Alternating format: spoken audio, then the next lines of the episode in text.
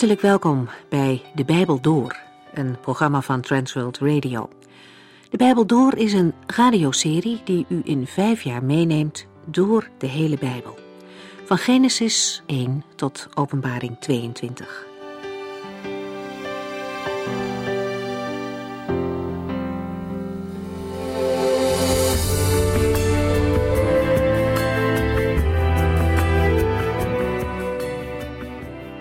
Voordat we verder gaan in deze aflevering, noem ik u graag nog even ons internetadres: www.transworldradio.nl.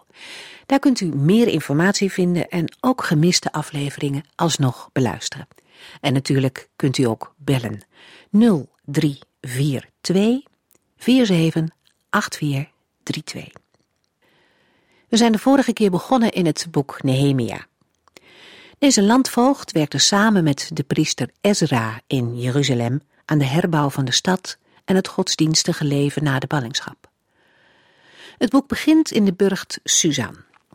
Enkele Joden komen bij Nehemia en hij informeert hoe het er in Jeruzalem voor staat. Zijn hart gaat uit naar deze stad van God, die ook zijn eigenlijke thuis is. Ondanks een hoge positie aan het hof vergeet Nehemia niet waar hij eigenlijk thuis hoort bij het volk van de Heere. En in Jeruzalem gaat het niet goed. De stadsmuur en de poorten liggen in puin, de inwoners zijn het mikpunt van spot. Nehemia's betrokkenheid met hen is groot, en als hij hoort hoe moeilijk het in Jeruzalem is, raakt dat hem diep. De les die we van Nehemia mee mogen nemen, is zijn bewogenheid met andere gelovigen. Wij leven hier in een vrij en rijk land. En laten we daar niet zo in opgaan dat we de broeders en zusters in andere landen vergeten. Het is tegenwoordig veel eenvoudiger om op de hoogte te blijven van hun situaties. Via nieuwsbrieven van zendingsorganisaties en het internet is er van alles te vinden en te lezen. En op die manier is het makkelijk om betrokken te zijn en blijven en voorbeden te doen voor christenen die het moeilijk hebben. Nehemia gaat met het slechte nieuws naar de Heren. Hij roept het uit, dagenlang. Hij pleit zichzelf niet vrij. Hij maakt zich één met het volk dat gezondig heeft en daarom in ballingschap moet gaan. Maar Nehemia weet ook dat hij een beroep mag doen op Gods goedheid. Vandaag zullen we lezen hoe hij bidt. En we zien in Nehemia 2 de manier waarop God antwoord geeft.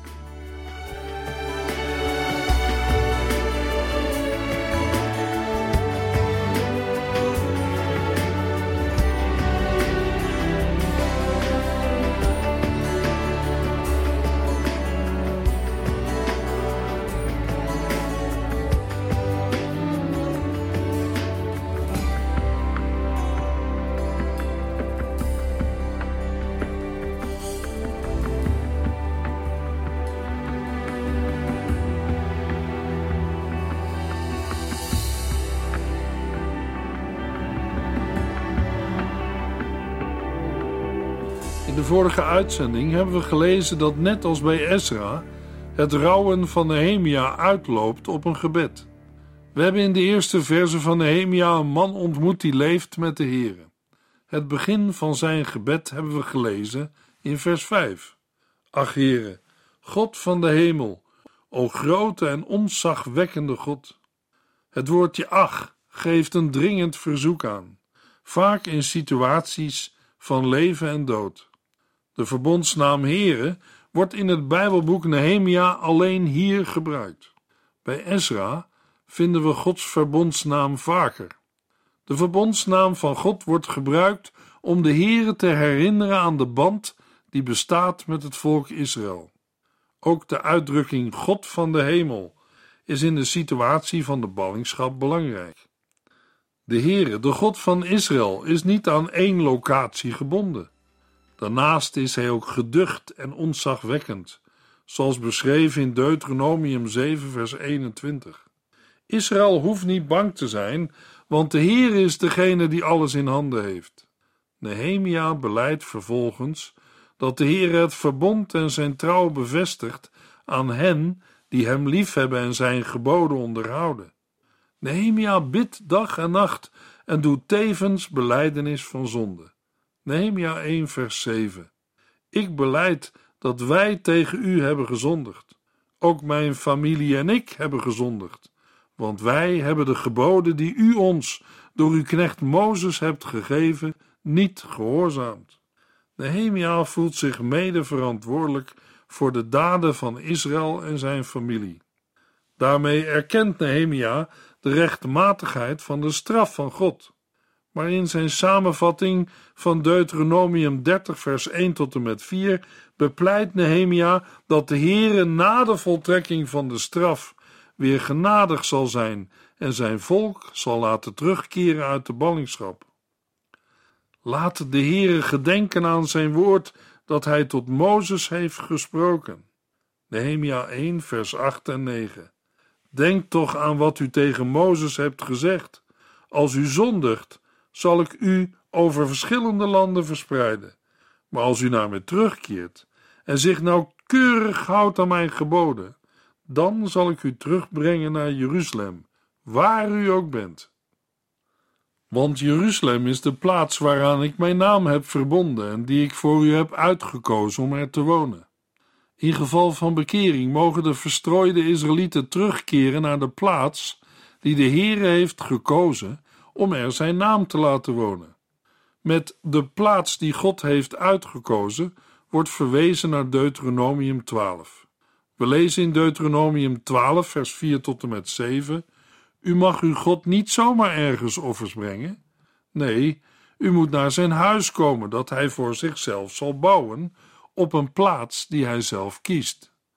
Daar zult u de Heer uw brandoffers en andere offers brengen, uw tiende, de extra bijdragen, de offers waarmee u een belofte inlost, uw vrijwillige offers en uw offers van het eerstgeborene, van uw runderen en schapen. Daar moeten u en uw gezinnen de feesten voor de Heer uw God vieren en uw blijdschap uiten over alles wat hij voor u heeft gedaan. Het lijkt erop dat Nehemia alleen vraagt om terugkeer van de ballingen, terwijl het vooral te doen is om de opbouw van Jeruzalem en het welzijn van hen die al eerder zijn teruggekeerd.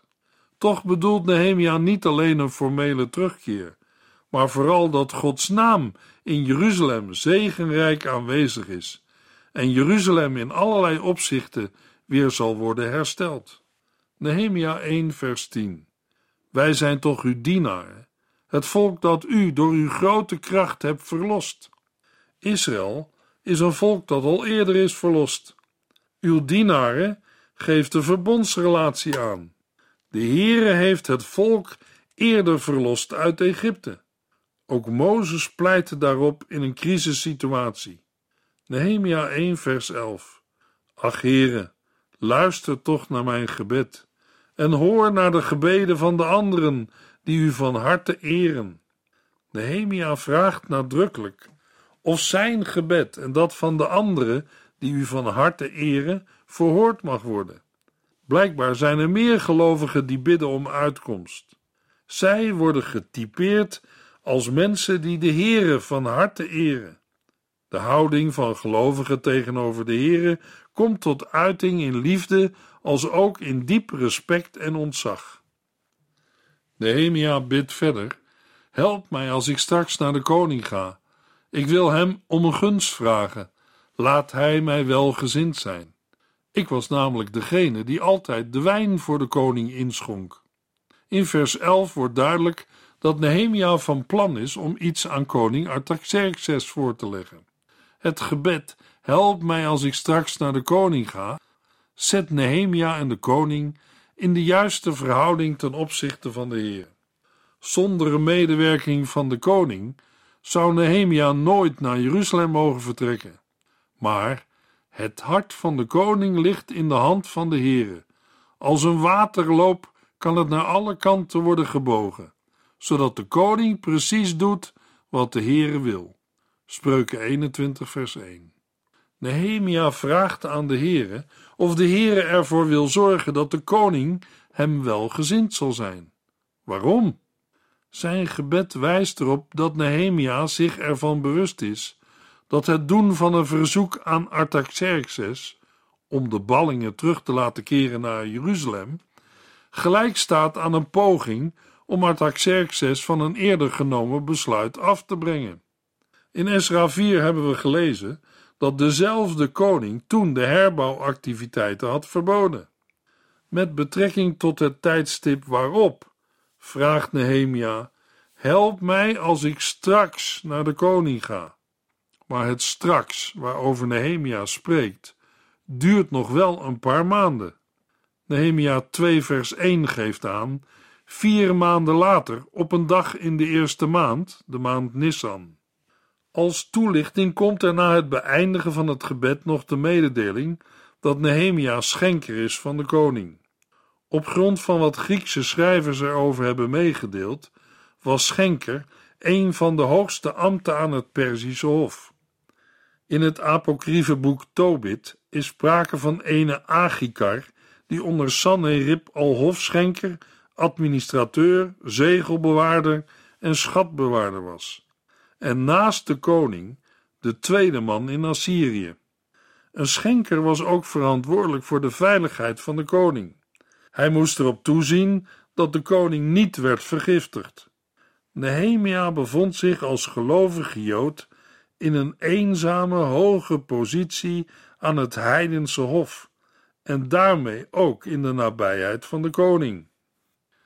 In afhankelijkheid van zijn God, in de weg van schuldbeleidenis en pleiten op de belofte, zoekt hij naar mogelijkheden om, ten behoeve van zijn volk, de gunst van de koning te verwerven.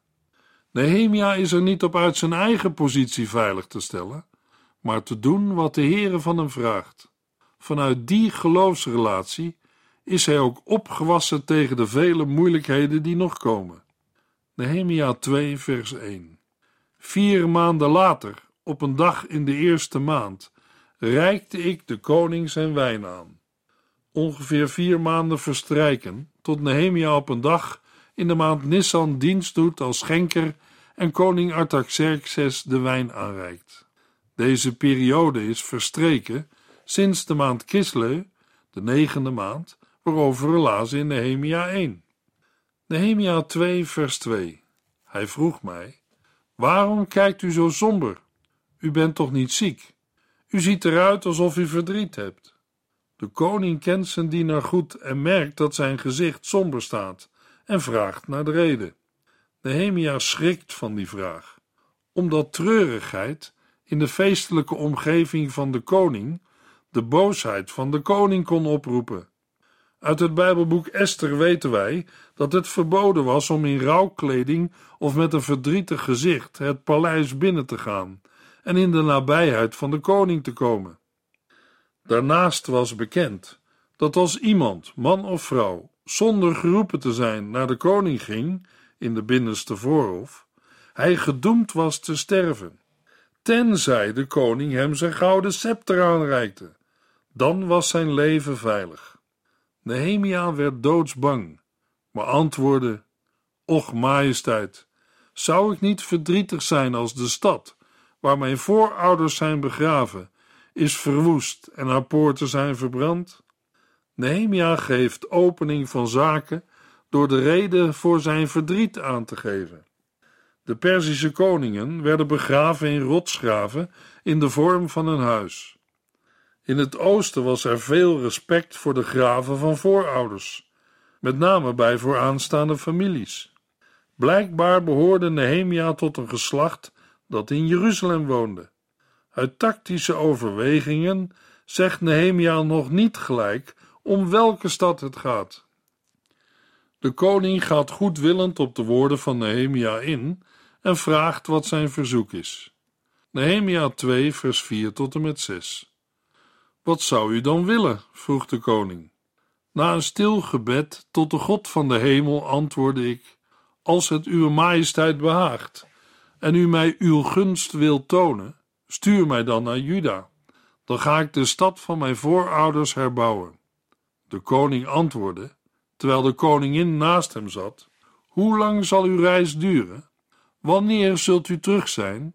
Ik noemde hem een bepaalde tijd en hij gaf mij toestemming. In vers 4 wordt het heel spannend voor Nehemia. En voordat hij antwoord geeft, bidt hij in stilte tot de Heer. Voor de ballingschap komen we weinig stille gebeden tegen. Nehemia leeft dicht bij de Heer en bidt vaak. Het is mogelijk dat Nehemia zijn verzoek doet op het nieuwjaarsfeest, ook omdat volgens vers 6 de koningin aanwezig is. De Griekse schrijver en historicus Herodotus geeft aan dat op het Perzische Tikta-feest, ter gelegenheid van de troonsbestijging, Perzische koningen geschenken aan hun onderdanen gaven en dat het dan onmogelijk was een verzoek niet in te willigen. We vinden in Esther 2 vers 18 een soort gelijke situatie. In dat geval heeft Nehemia op het juiste moment gewacht. Natuurlijk is het ook mogelijk dat de koning uit gewone goedwillendheid, door de heren bestuurd, Nehemia wil helpen. Door het noemen van Juda wordt het verzoek van Nehemia al concreter, maar de naam van de hoofdstad Jeruzalem is nog niet genoemd. De nadruk ligt op het verdriet en de schaamte van Nehemia en zijn volk, niet op de politiek gevoelige situatie. In het Oude Testament neemt de theocratie een belangrijke plaats in. Israël is een afgezonderd volk dat onafhankelijk een eigen land bewoont en daar Gods wetten in praktijk kan brengen. De meeste Bijbelgedeelten zijn geschreven vanuit het ideaal van Israël als zelfstandige staat binnen een verbondsrelatie met de Heer. Ook al is dat hoge ideaal lang niet altijd gehaald. Zelfs in de ballingschap vormen de hoop op herstel en terugkeer het oriëntatiepunt. Ook al was het een hoop voor een etnische minderheid binnen een grote mogendheid. Natuurlijk zijn alleen de geschiedenissen van de opvallendste geloofshelden in de Bijbel bewaard. In het bijzonder mensen in ballingschap als Esra, Nehemia, Daniel, Esther en Mordechai, maar ook Jozef in Egypte. Het feit dat deze mensen beroemd zijn om de belangrijkste staatsposities die ze bekleed hebben, hoeft niet weg te nemen dat ze model kunnen staan voor een gelovige minderheid. Waar het om gaat is dat ze buiten de bescherming van hun eigen godsdienstige omgeving in het thuisland een combinatie vonden tussen een onwankelbaar geloof en loyaliteit tegenover de lokale machthebbers. Hun geschiedenissen hebben veel gemeenschappelijke kenmerken die we nauwelijks terugvinden buiten de context van deze verhalen. Het gaat er daarbij vooral om de relatie tussen de hoofdpersoon en de koning, niet zelden de machtigste koning van het hele Midden-Oosten. De farao bij Jozef en de Babylonische of Perzische koning bij Ezra en Nehemia. Uit een vergelijking van de verschillende geschiedenissen ontdekken we de volgende algemene structuur. De hoofdpersoon bevindt zich eerst in een maatschappelijk kwetsbare positie en krijgt meestal niet direct een hoge rang. Dan komt hij of zij rechtstreeks in aanmerking met de machtigste koning op aarde. Ze passen zich aan bij hun omgeving en geven zelfs een deel van hun eigenheid op. Daarnaast handelen zij in het belang van de betreffende koning en zijn ze loyaal aan hem. Ze boeken politiek succes voor het volk van God, en God zegende zijn volk door hen. Ze schaamden zich niet om getuigenis af te leggen van hun God, aan wie zij uiteindelijk verantwoording schuldig zijn. Ze worden ook door de koning als leider erkend en bekleden een zeer belangrijke positie. Daarbij kregen zij van de Heere buitengewone bekwaamheid en inzicht voor hun taak.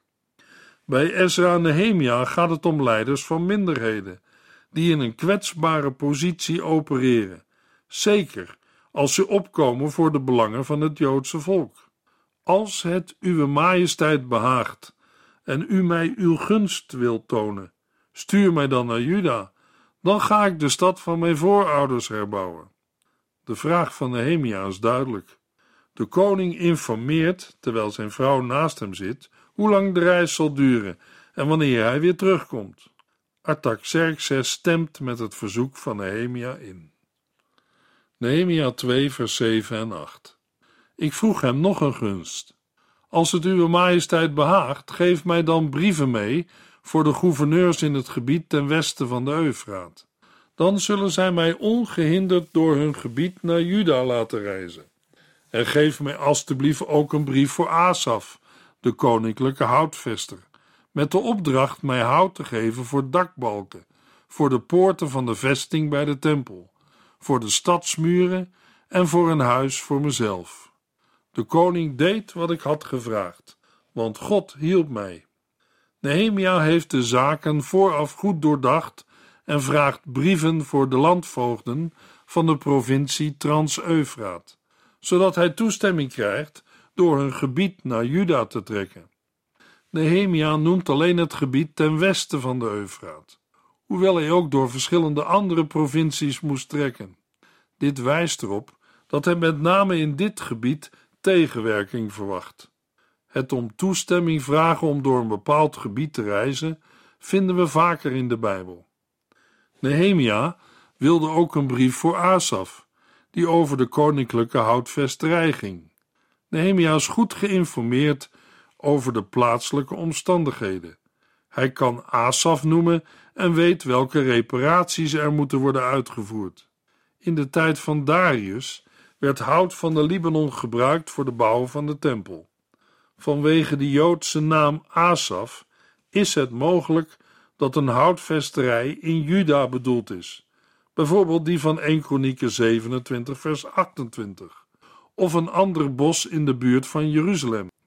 Met het hout van Asaf kon de tempelburcht, de stadsmuren en het residentiehuis van Nehemia worden betimmerd.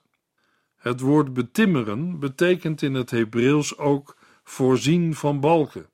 De tempelvesting of burcht wordt in vers 8 voor het eerst zo genoemd. De vesting wordt ook genoemd in Nehemia 7 vers 2.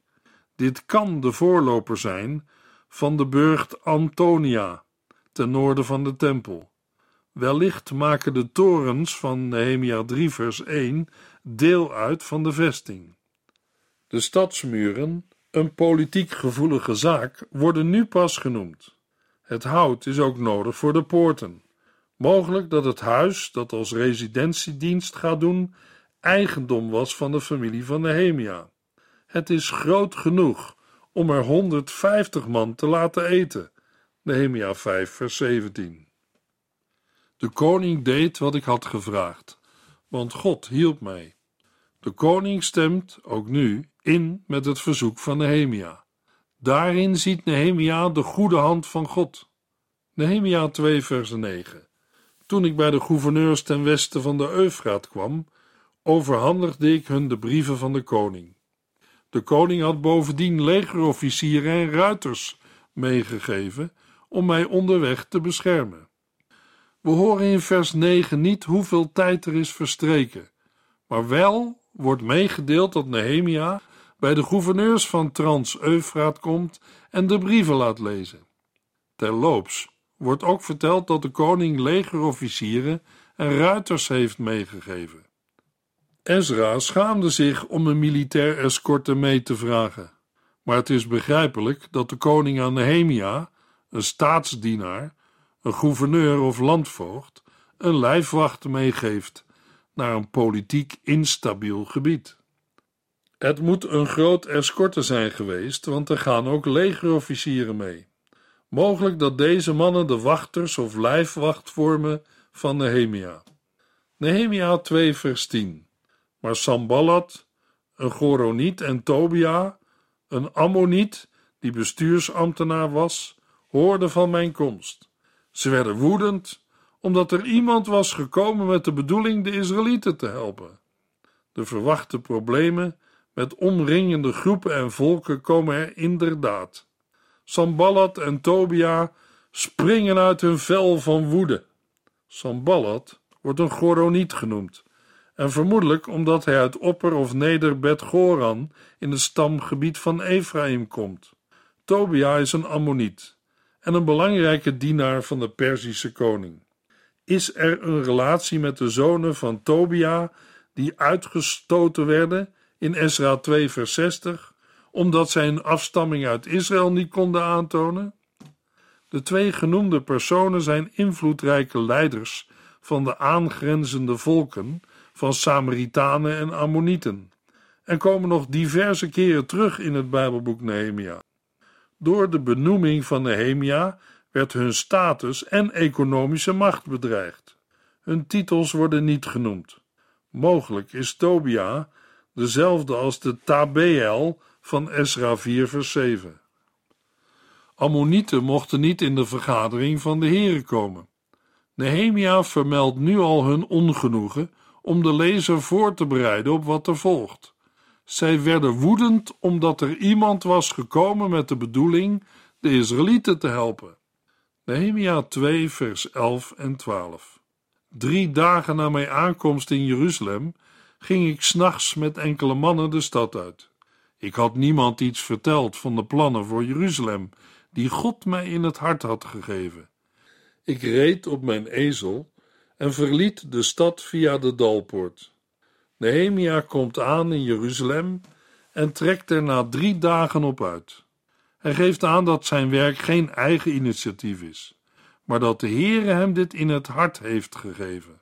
Hij wil door een inspectie toch te weten komen wat de toestand van de muur is. Nehemia blijkt een voorzichtig en beleidsmatig leider te zijn. Nehemia 2 vers 13 tot en met 15 We trokken richting Slangenbron en Aspoort om de afgebroken stadsmuren en verbrande poorten te inspecteren. Vandaar gingen wij naar de Bronpoort en de Koningsvijver, maar mijn ezel kon door al het puin niet verder. Daarom klommen wij die nacht door het Kidrondal omhoog om de muur te inspecteren. Door de Dalpoort keerden wij weer terug. In de versen 13 tot en met 15 vinden we een beschrijving van de route. Nehemia 2, vers 16. De stadsbestuurders wisten niet waar ik was geweest en wat ik had gedaan, want tot nog toe had ik niemand iets over mijn plannen verteld. Niemand was er van op de hoogte, ook de politieke en geestelijke leiders niet, en zelfs zij niet die het werk zouden doen. In de volgende uitzending lezen we verder in Nehemia 2.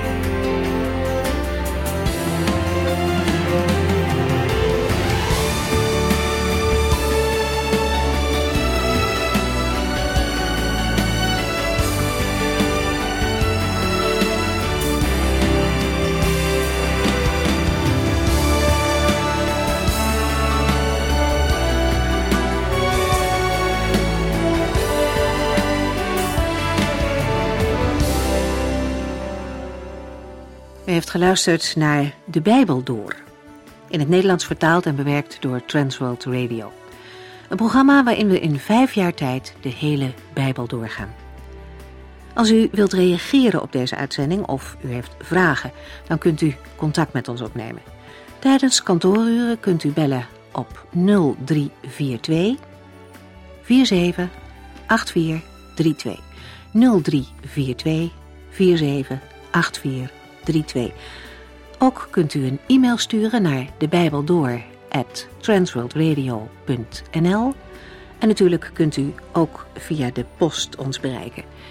TWR, postbus 371, postcode 3770, AJ in Barneveld.